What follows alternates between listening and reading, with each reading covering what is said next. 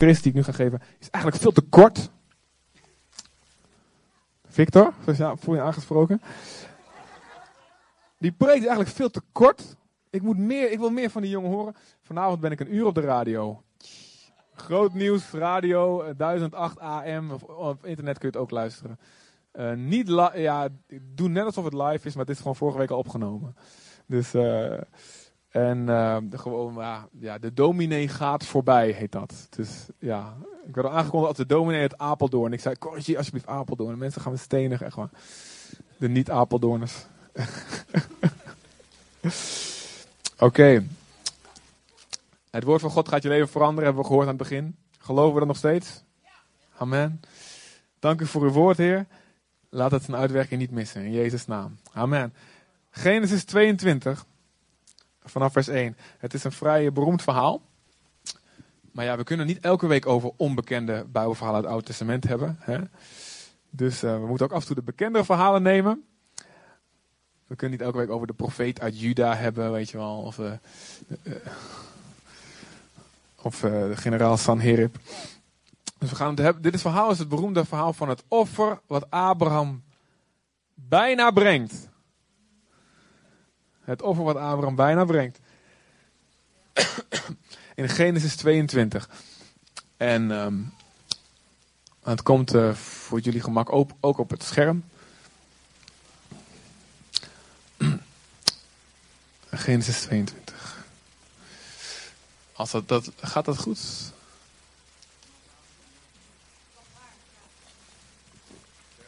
Tot van, van, sorry, van 1 tot 19. Ja.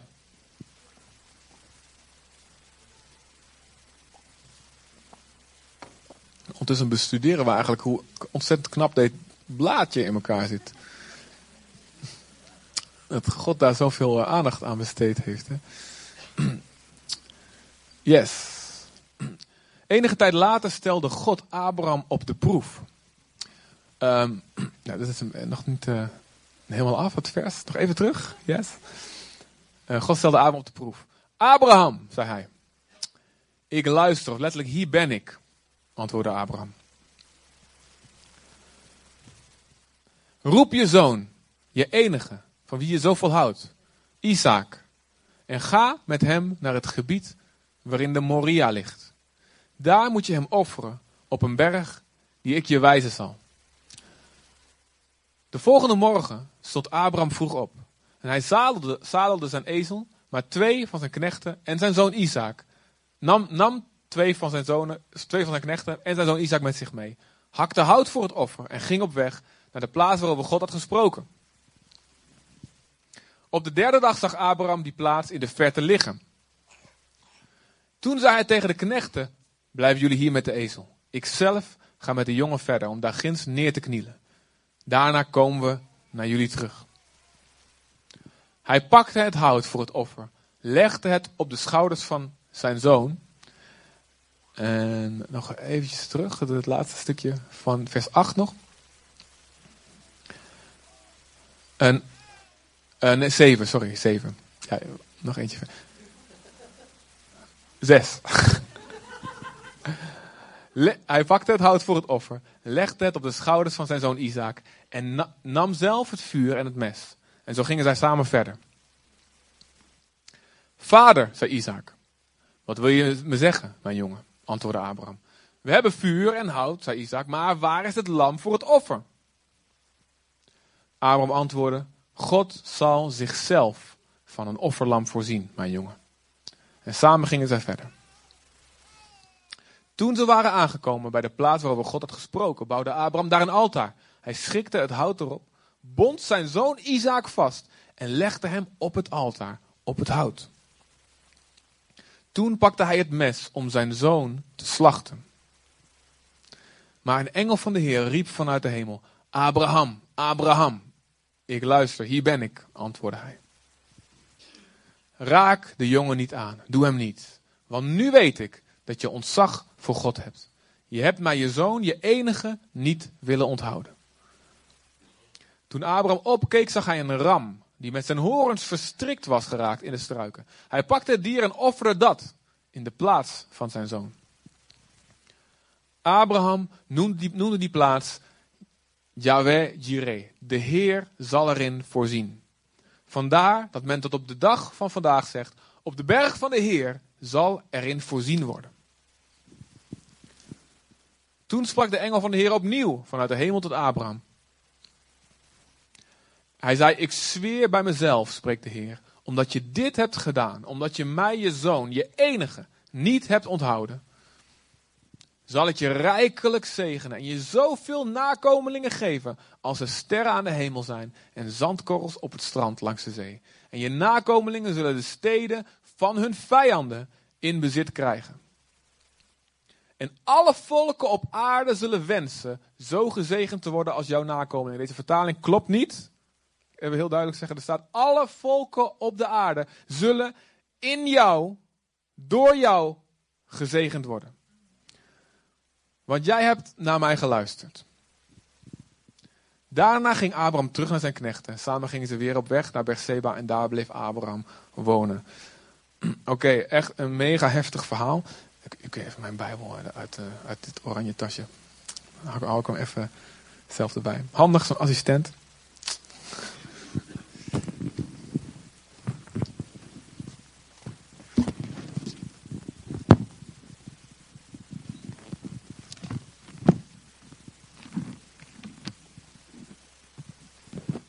Oké, het eerste wat we lezen is dat hier Abraham geloof wordt op de proef gesteld. Wie heeft hier geloof?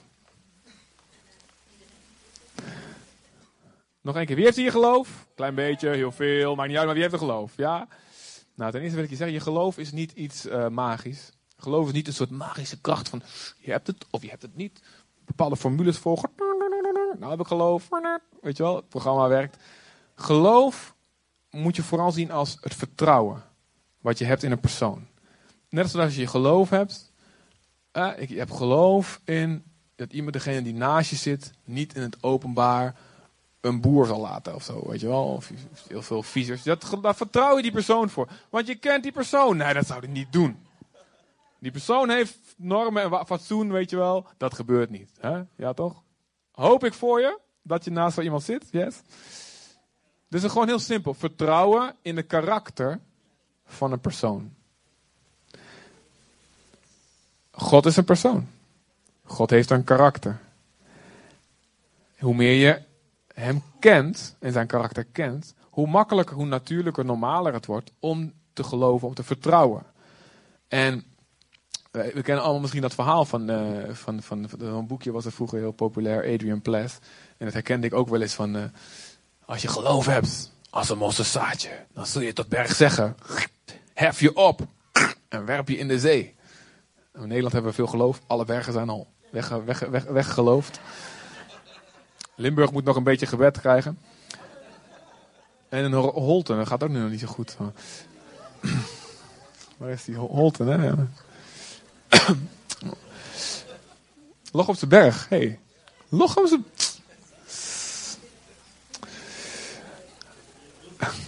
Beeld van Ketje. Ja, nou ja, serieus. Zag ook een molshoop bij je in de tuin, Jeroen. Nou, goed. Je leidt hem af van mijn preek. Um, en dan, dan ga je zitten kijken. Weet je wel, een berg hebben we nog geen geloof voor. Ik ga kijken naar die paperclip. Zo in zo'n boekje en dan gebeurt er niks. En dan is hij helemaal teleurgesteld. Ik heb geen geloof. Nou, dat is het magisch kijken naar geloof. Maar dat is niet hoe God het bedoeld heeft. Het is dus geen kracht. Dat ergens via mystieke weg te downloaden is. Het is vertrouwen in een persoon. Nou, deze vraag, dit verhaal heel heftig. Maar dit komt niet uit de lucht vallen.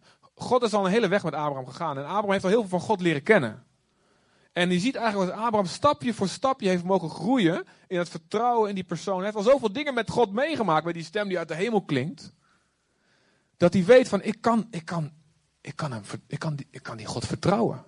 Want je moet je voorstellen dat Abraham komt uit een afgodisch land, afgodische cultuur. In, in de profeet in Amos wordt later gezegd, jullie vader hebben aan de andere kant van de rivier hebben ze andere goden gediend. Dus hij kwam uit een uit een, uit een generatie, uit een familie waarin de, e-, de enige ware God niet gekend werd. Dat waren allemaal Babylonische goden. Waar zijn vader Terach waarschijnlijk in geloofde. Maar zijn vader heeft ergens de stem van God begon niet te verstaan. En Abraham die heeft het opgepikt. En stap voor stap leerde hij die God kennen. die vreemde God, voor hem vreemde God, als een betrouwbare stem. Nou, zo heeft God ook een reis met ons allemaal. Of je nou al heel lang gelooft, of als je net begonnen bent, God heeft een reis met je. En hij uh, wil, je, hij wil zo'n opbouw in jouw ervaringen opmaken. Dat zeg maar de, wat je geleerd hebt over hem in één ervaring, waarin, je, hij iets tegen je zei, je hebt het geloofd. En je hebt gemerkt, wauw, ik kan die God vertrouwen. Dat, heb, dat kun je weer gebruiken voor de volgende ervaring. En het is dus niet zo dat je in één keer, als je helemaal God niet kent, dat je in één keer een stem uit de hemel komt, offer je kind. Weet je, wat? Je? Het is, zit een opbouw in. En, maar dit geloof wordt dus op de proef gesteld. de Bijbel zegt heel duidelijk, God kan niemand tot zonde verleiden. Dat moet je niet zeggen. Het is de duivel die het doet, die het aandraagt. En het is je eigen begeerte die je erin lokt en die je erin zuigt. Dus God kan niemand met het kwaad verzoeken, want God kan het niet, geen kwaad hij is niet, de, niet, niet de schepper van het kwaad. Maar geloof wordt wel op de proef gesteld. Als jij geloof hebt, en ik zag heel veel handen omhoog staan, weet dat het op de proef gesteld wordt. In verschillende gradaties, in verschillende fases. En gezegend ben je als je tegenslagen en moeilijke dingen en, en, en uitdagingen kan zien als je geloof die op de proef gesteld wordt met het doel jou een ervaring te geven die je nooit meer vergeet. Waardoor je weet, wauw, die God kan ik vertrouwen.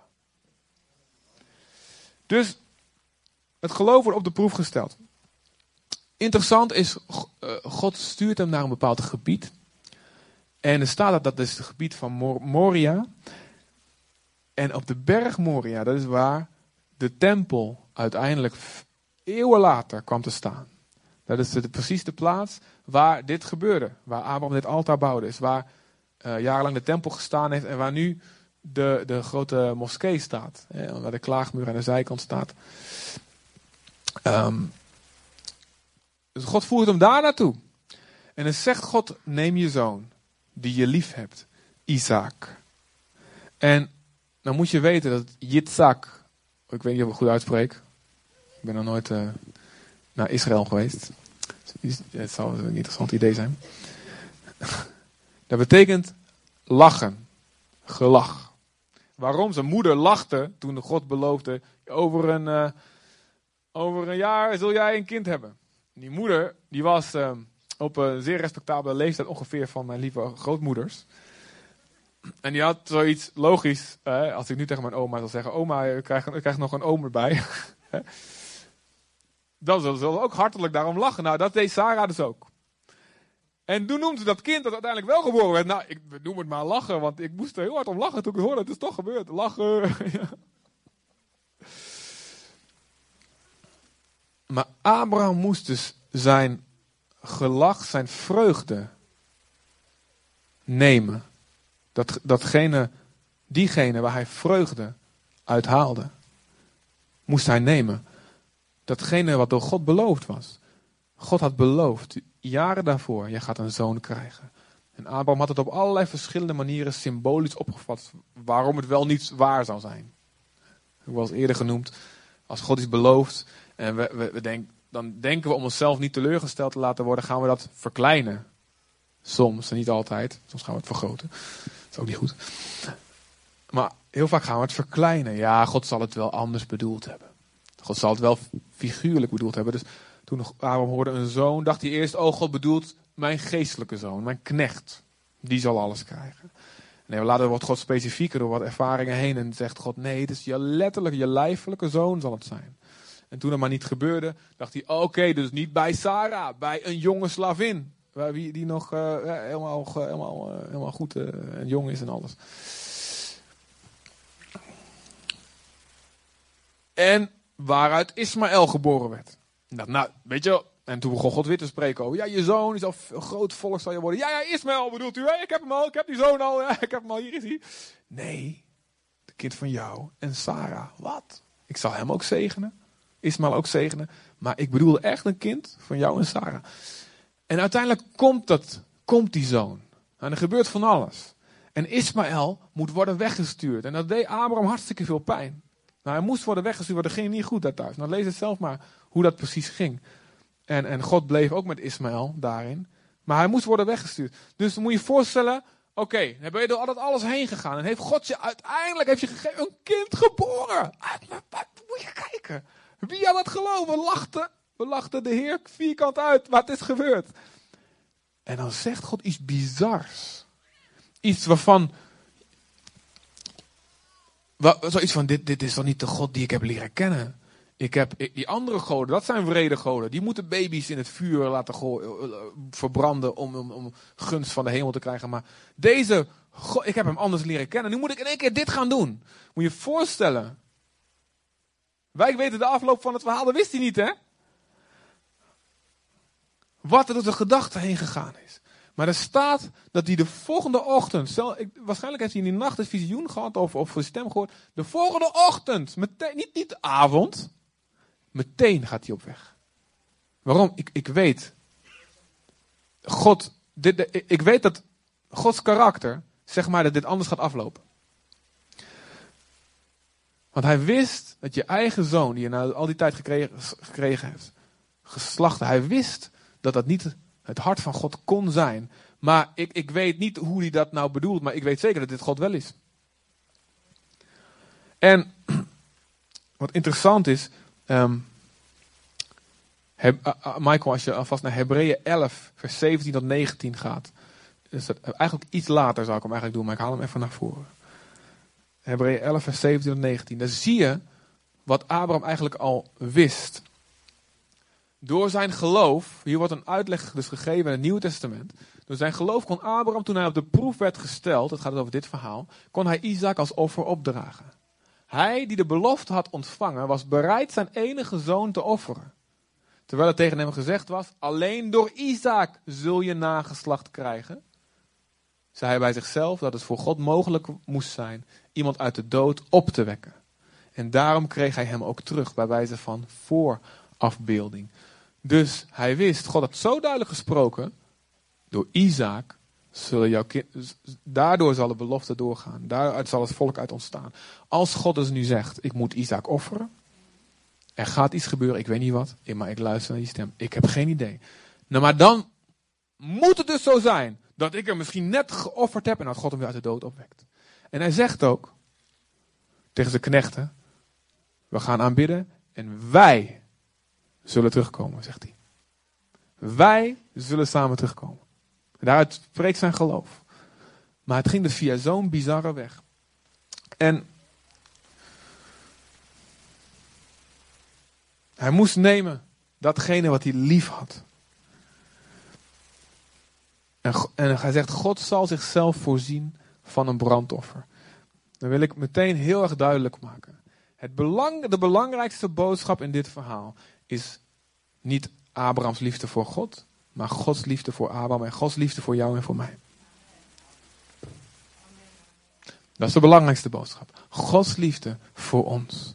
Dit verhaal is een van de beste voorafbeeldingen, zag je als laatste in Hebreeën staan, van wat God zou doen met Jezus.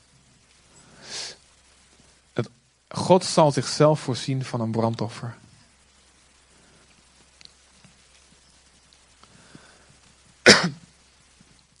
Wij allemaal, door onze zonde zijn we doodgeboren.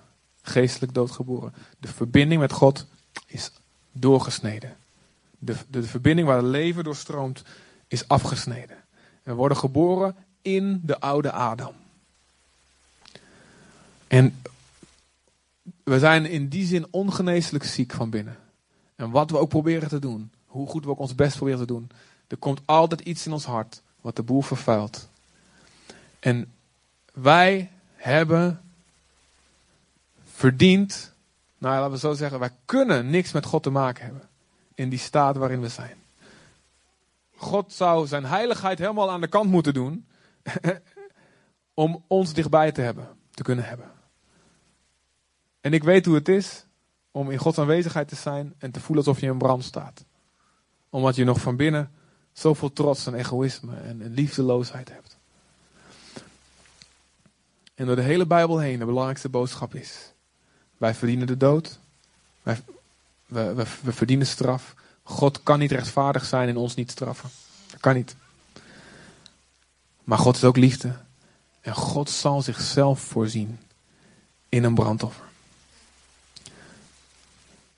En die rammen die struiken, die in de plaats kwam van zijn zoon, was Jezus. Ik denk dat het misschien dat heel erg duidelijk voor je, misschien hoor je dit voor het eerst.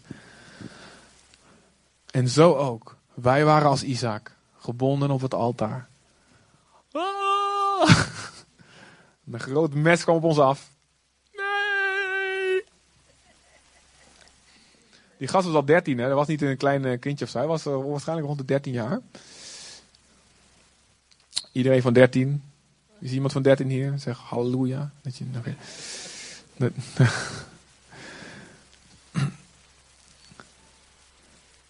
En God stopte onze slachting. En hij zei: Daar, daar is er eentje die aan jouw plaats kan. Voor ieder die gelooft, is, is er een offer wat voorzien wordt. Je moet wel geloven. En je ziet hier.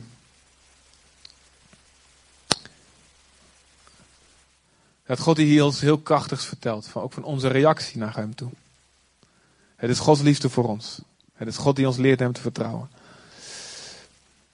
Maar het is God ook die vraagt, weet je, dat vertrouwen. Zoals Abraham dat vertrouwen had in mij. En wist, ik ken mijn God anders. Dan wat je zou verwachten. Van, van wat het betekent, wat, wat ik nou hoor. Ik ken mijn God, er moet iets gebeuren. Op die manier ook. Zal God ons geloof op de proef stellen. Misschien niet in één keer. Met uh, dingen te slachten en al die dingen. Hè? Wees maar blij als je naast je, je familie zit. Weet je wel, er wordt hier geen messen getrokken naar de dienst. Maar God wil je op de proef stellen. En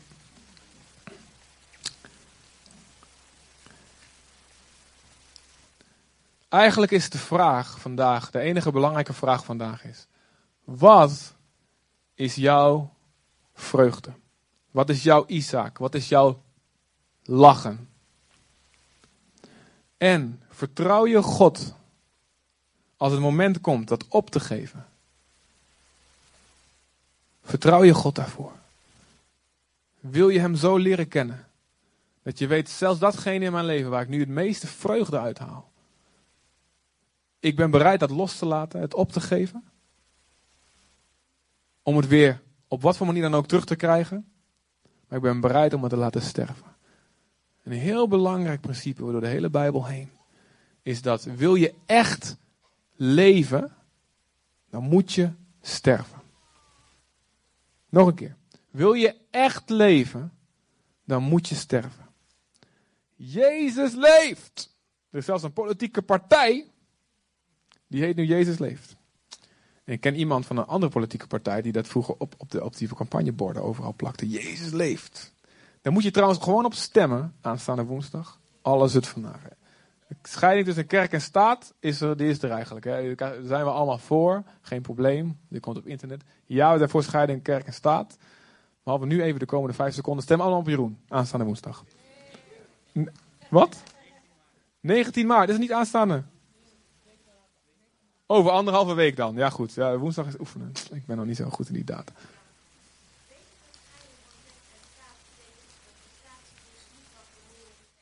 Aha, oké, stem op Jeroen. Interessant.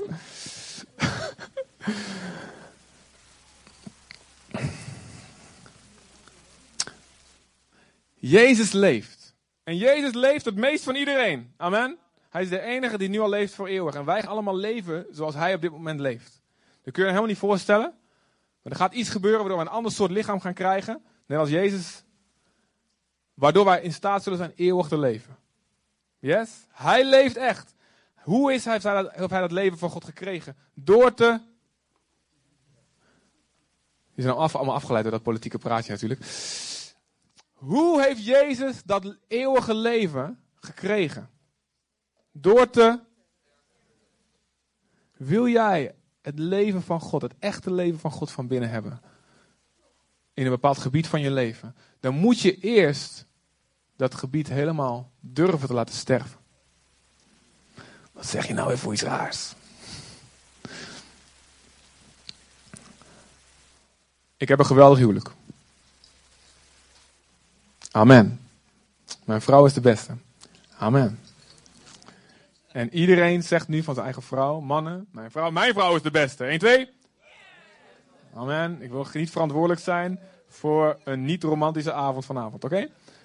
Niet dat je dat op mij kan schuiven. Yes?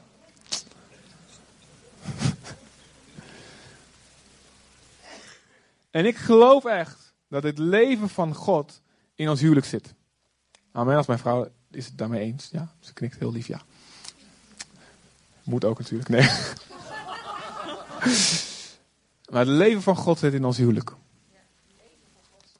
Hoe is dat erin gekomen?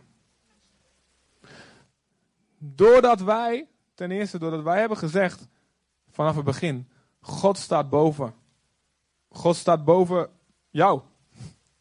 Gehoorzamen aan de Heer staat boven wat wij met z'n tweeën willen. En zelfs nog daarvoor, ik heb gezegd, God, als u wil dat ik nooit trouw, als dat beter voor u is, dan ik sterf aan mijn, ik wou graag trouwen, alsjeblieft, weet je wel. Hè? En eh, ja, goed. Leek me gewoon. Ik wou ook kinderen, weet je wel. Ik wou ook kleinkinderen. Ik wou niet mijn hele leven lang eh, een maagdelijke bloempje blijven, zeg maar. Ik heb gewoon. Leek me best cool. Maar Heer, als, u, als ik mijn leven lang alleen moet blijven, omdat ik daar u beter mee kan dienen. Dan, en op het moment dat ik zei, was op een zolderkamertje in Boskamp. Op het moment dat ik het zei, was het echt zo van: oké, dit kan hij dus nu echt van me gaan vragen. Ik beloof het. En, jullie kennen de afloop van het verhaal misschien al wel. Ik ben was natuurlijk heel erg blij dat binnen anderhalve week er een profetes in de gemeente kwam. Die we nooit gezien had, die niks ervan wist. Ik had het niemand verteld. En die zei, midden tijdens haar preek, in één keer zich naar me toe draaide en zei: God wil niet dat je alleen blijft. Toen zei ik: Dank u, Heer, dit woord hoeft niet meer getoetst te worden.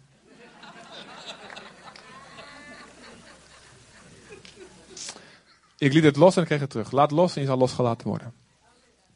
Wil je leven, moet je sterven. Wie zijn leven vasthoudt, zal het juist verliezen. Wie zijn leven verliest omwille van mij, die zal het vinden. Johannes 12, vers 24, 25. Als een graankorrel niet in de aarde valt, maar op zichzelf blijft, gewoon, ik ben een korrel, ik heb ook rechten. Ik ga niet een beetje open zitten barsten, dat er weet ik voor wat een of andere steel uit mijn buik kan zitten kruipen. Tuurlijk moeten er meer graanplanten komen, maar laat dat maar aan hem over. Die heeft toch al een barst in zijn buik. Ik heb, ik heb korrelrechten. Heb je wel de universele rechten van de graankorrel gelezen?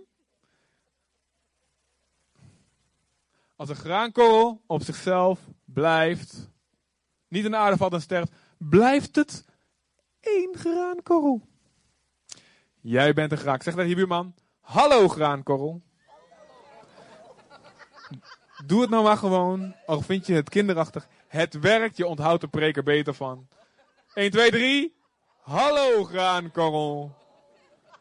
Ik zal een lekker broodje van je bakken. Graankorrels worden plat gestampt door een grote molensteen. Wist je dat trouwens? Gaat met jou niet gebeuren.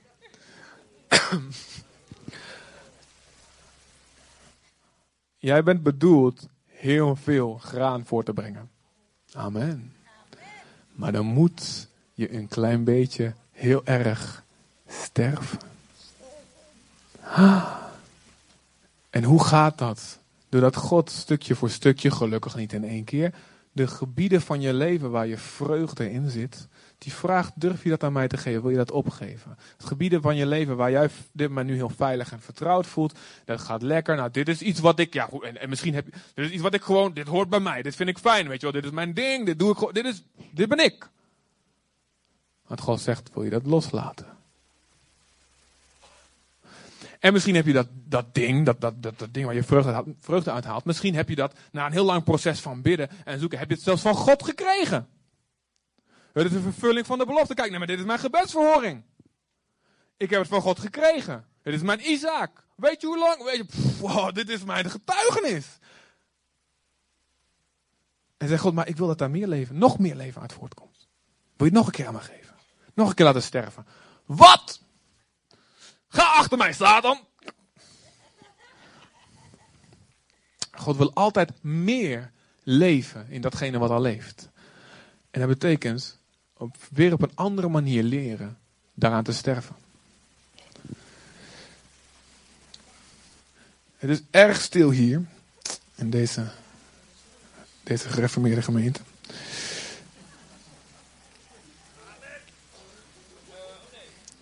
Dan komt de Black Gospel, die komt van die kant.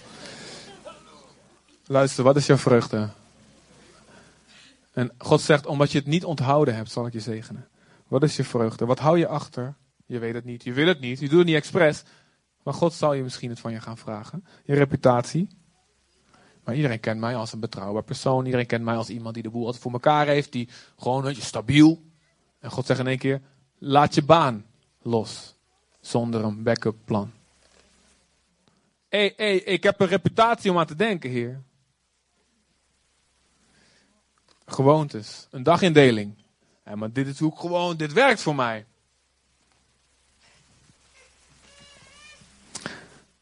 Een carrièreplan wat je, vooruit, wat je, wat je helemaal uitgestippeld had. Je hebt de juiste diploma's het papier en je hebt het hele netwerk. Je zit op LinkedIn helemaal, je bent helemaal de man.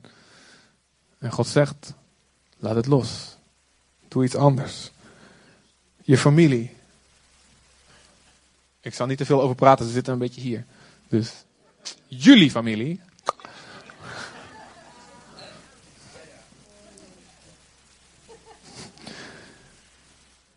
Je relaties.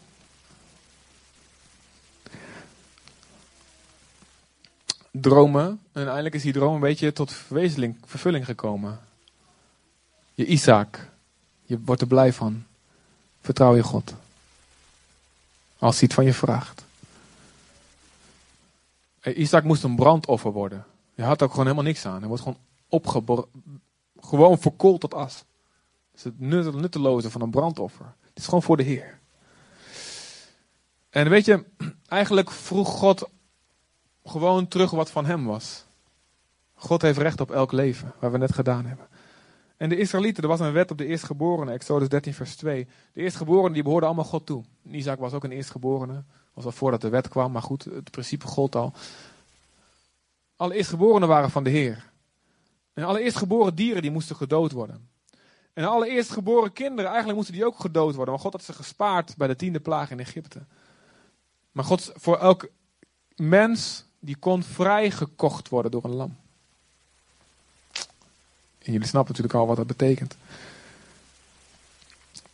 En de dieren, die kwamen in de plaats van een mens. En later werd die wet veranderd, of werd, werd, werd verbreed eigenlijk.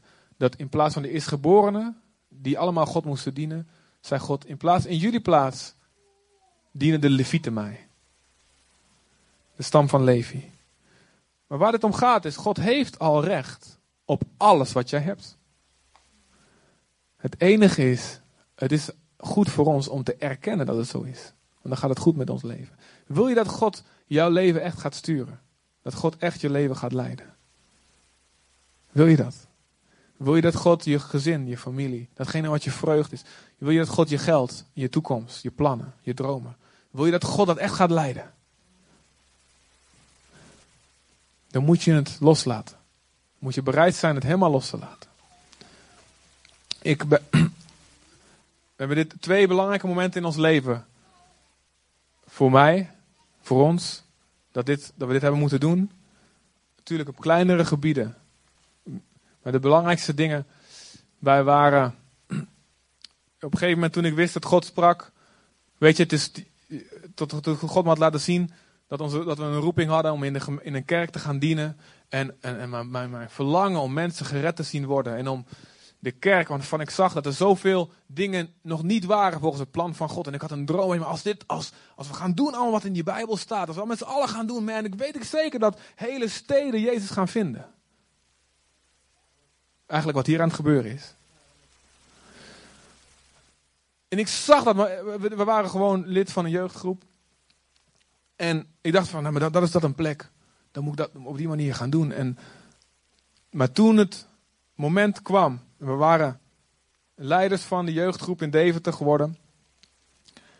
En eigenlijk, er was een grote hype, er was één grote momentum. En we hadden net een nieuw plan gelanceerd. We hadden allemaal leiders op hun plek staan. Die waren helemaal enthousiast, ja, we gaan dit doen. En iedereen had echt zoiets van, ja, we gaan de boel innemen voor Jezus. En wij waren de grootste die die hype opdreven. Yes, dit gaat gebeuren. En ik denk echt dat ik heel veel plannen van God zelfs gekregen had. Maar God zei op een totaal onverwacht moment, laat het los. Stop overal mee. Leg het neer. En iedereen verklaarde, vooral mij, verklaarde, ik wou zeggen ons, maar vooral mij, voor gek. Jo, moet je kijken wat je hier hebt. En je laat het los. Maar God, achteraf wist ik heel goed waar het om ging. Want God zei, als je niet voor je eigen huis kan zorgen, kun je niet voor een gemeente zorgen. En ik zorgde niet goed voor mijn eigen huis. En God had me op aangesproken en ik had niet geluisterd. Meerdere keren. En toen zei God, nu moet je alles loslaten. Wat? En toen we uiteindelijk deden, dacht iedereen. We moesten God gehoorzamen door iets te doen waarvan iedereen dacht dat het ongehoorzaamheid was. En ik moest sterven aan dat beeld dat iedereen van me had. En dat, dat. En de teleurstelling van al die mensen moesten we verwerken. Maar het opende uiteindelijk de, de poort door nog wat andere processen heen. Door via deze lieve zus die hier vooraan zit dat ik op de battle kwam en dat, dat, dat, datgene, die droom die ik had van een generatie die in de fik stond voor Jezus, in een, ik zeg niet 100% helemaal niet zelfs, maar dat die in één keer veel massaler en veel groter werkelijkheid werd. Want zonder dat stoppen was ik nooit daar gekomen. Ik moest sterven, ik moest het loslaten en er kwam weer meer leven in. En toen kwam de battle en er was een, een, een, een, een aantal jaren echt van opleving en dingen veranderden. De geest werd uitgestort. En mensen die er niks van wisten, die begonnen in tongen te spreken, te profiteren. Diepe overtuiging van de zonde. Ze stonden rijen dik zonde te beleiden. En, en er was echt het, was een opwekkingsmanager, zo noemde ik mezelf op een gegeven moment. Gewoon, het was een uitstorting van de geest. Geweldig. En toen kwam Zutphen eraan. En toen dachten we, oké, yes, gemeente, het is goed, weet je wel. En door ook heel veel duizenden manieren van doodgaan aan jezelf. Uiteindelijk. Niet alleen wij, maar jullie allemaal. Maar ook wij. Staat er wat er nu staat. En zal het alleen maar doorgaan en groeien. Als we doorgaan met dat sterven. Amen. Blijf sterven. En er komt leven. En het gebeurde, de gemeente groeit en, en er was er begon een naam vanuit te gaan. Er begint een naam vanuit te gaan. In het begin normaal allemaal kerken gevraagd te worden om te spreken. En nu weer op dit moment, op dit moment, dit moment, zegt God, laat het los. Laat het los. En ga naar een eiland van 125.000 mensen. En natuurlijk, ik kan allemaal scenario's bedenken. dat het wil. Maar God zegt weer, sterven. En ik weet door los te laten, zullen wij losgelaten worden. En dit geldt voor jullie allemaal. Het geldt voor ons allemaal. Wil jij het leven van God? Wil je dat jouw Isaac een vader wordt van een grote menigte? De eerste wordt van een heelal aan sterren. Wees bereid hem te slachten. Wat is jouw lievelingsding in je leven? Wat is je vreugde? Wil je Gods leven erin? Ben je bereid te slachten?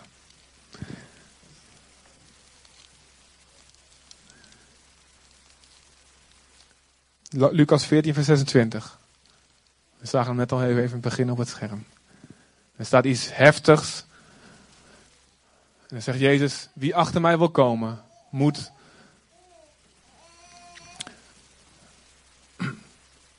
Wie mij volgt, maar niet breekt met zijn vader en moeder en vrouw en kinderen en broers en zussen, ja zelf met zijn eigen leven kan niet mijn leerling zijn. Nou, let op. Hier staat dus niet, er zijn heel veel andere teksten, staat eer je vader en moeder. Wees, als je niet voor je familie zorgt, ben je slechter dan een ongelovige. Dus de Bijbel is heel duidelijk. Liefde voor alle mensen. Liefde voor je familie is sleutel. God leert ons onze familie lief te hebben. Maar wat Jezus hier bedoelt, is dat je moet bereid zijn ze los, los te laten. Om uiteindelijk weer het leven van God daarin te vinden. Eigenlijk dit sterven. En in En Jezus belooft, Marcus 10, vers 29 tot 31. Jezus belooft, als je dit durft te doen, als je durft los te laten, God zal je zegenen met meer. In dit leven en in het leven wat hierna komt. Lucas, Marcus 10.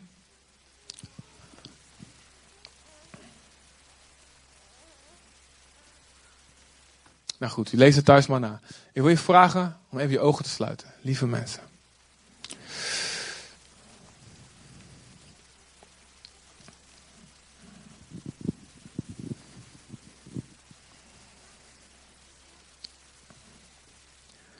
God wil door ons allemaal heen een oneindige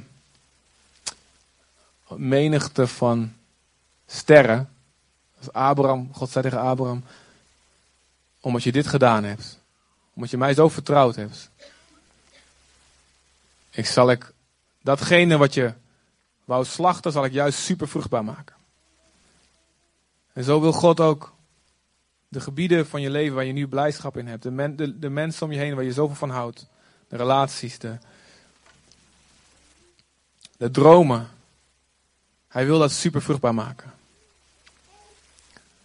Maar de plek waar dat vermenigvuldigt en waar dat echt dat echte leven in komt en waar er echt iets gebeurt wat een blijvende impact zal hebben, dat is niet in jouw handen, maar is in Gods handen.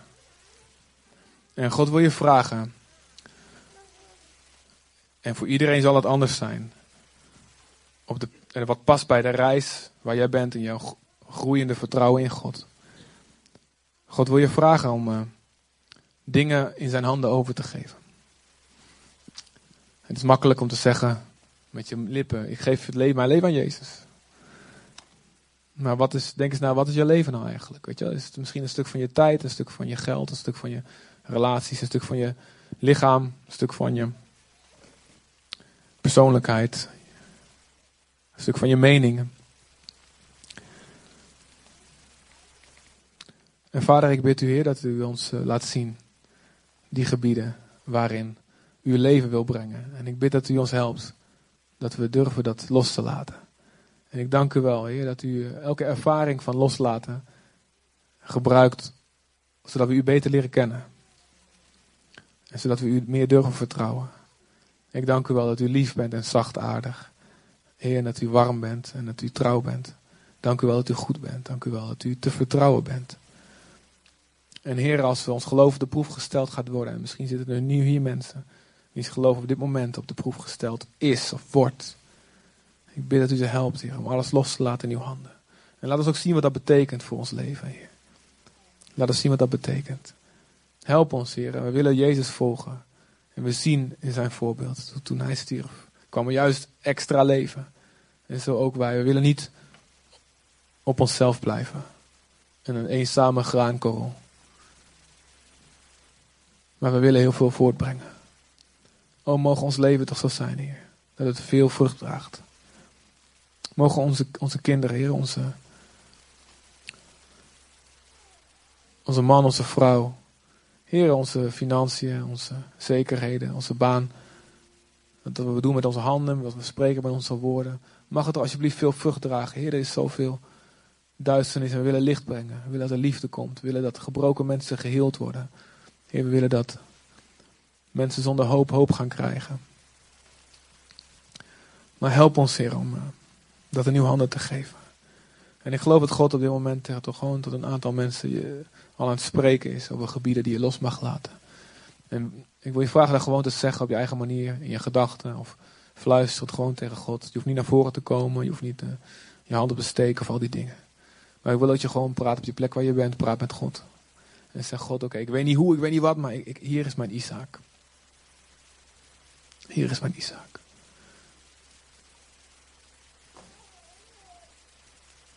En noem het maar op. Noem het gebied maar op. Hier is mijn Isaac, Heer. Oh, breng uw leven erin, Jezus.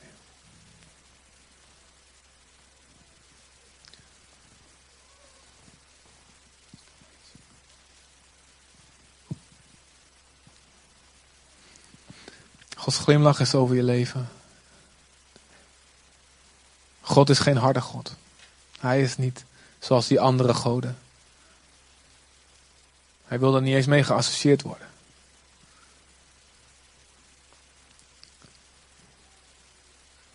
En loslaten betekent dat je het in de handen van een goede vader legt. En misschien heb je, heeft jouw vader of hebben autoriteitsfiguren dat vertrouwen beschaamd in je leven. En ben je daarom ook bang dat God hetzelfde zal doen. En God is hier en hij zegt, joh, ik zal het echt niet doen. Vertrouw me maar. En zelfs al lijkt het dat het dood gaat. Al lijkt dat het echt gestorven is. Wat jij mij geeft. Ik kan het weer uit de dood opwekken. Je zal een verhaal te vertellen hebben. Over wie ik ben. En wat je nooit zal vergeten.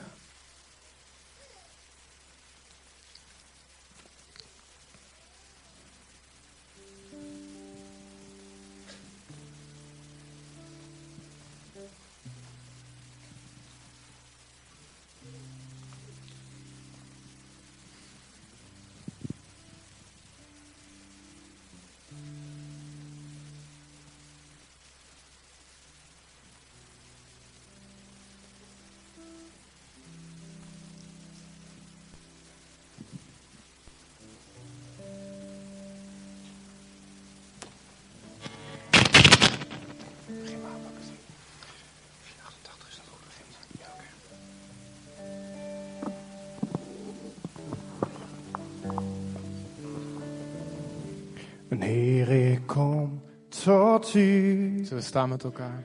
Neem mijn hart verander mij. Want als ik u ontmoet, vind ik rust bij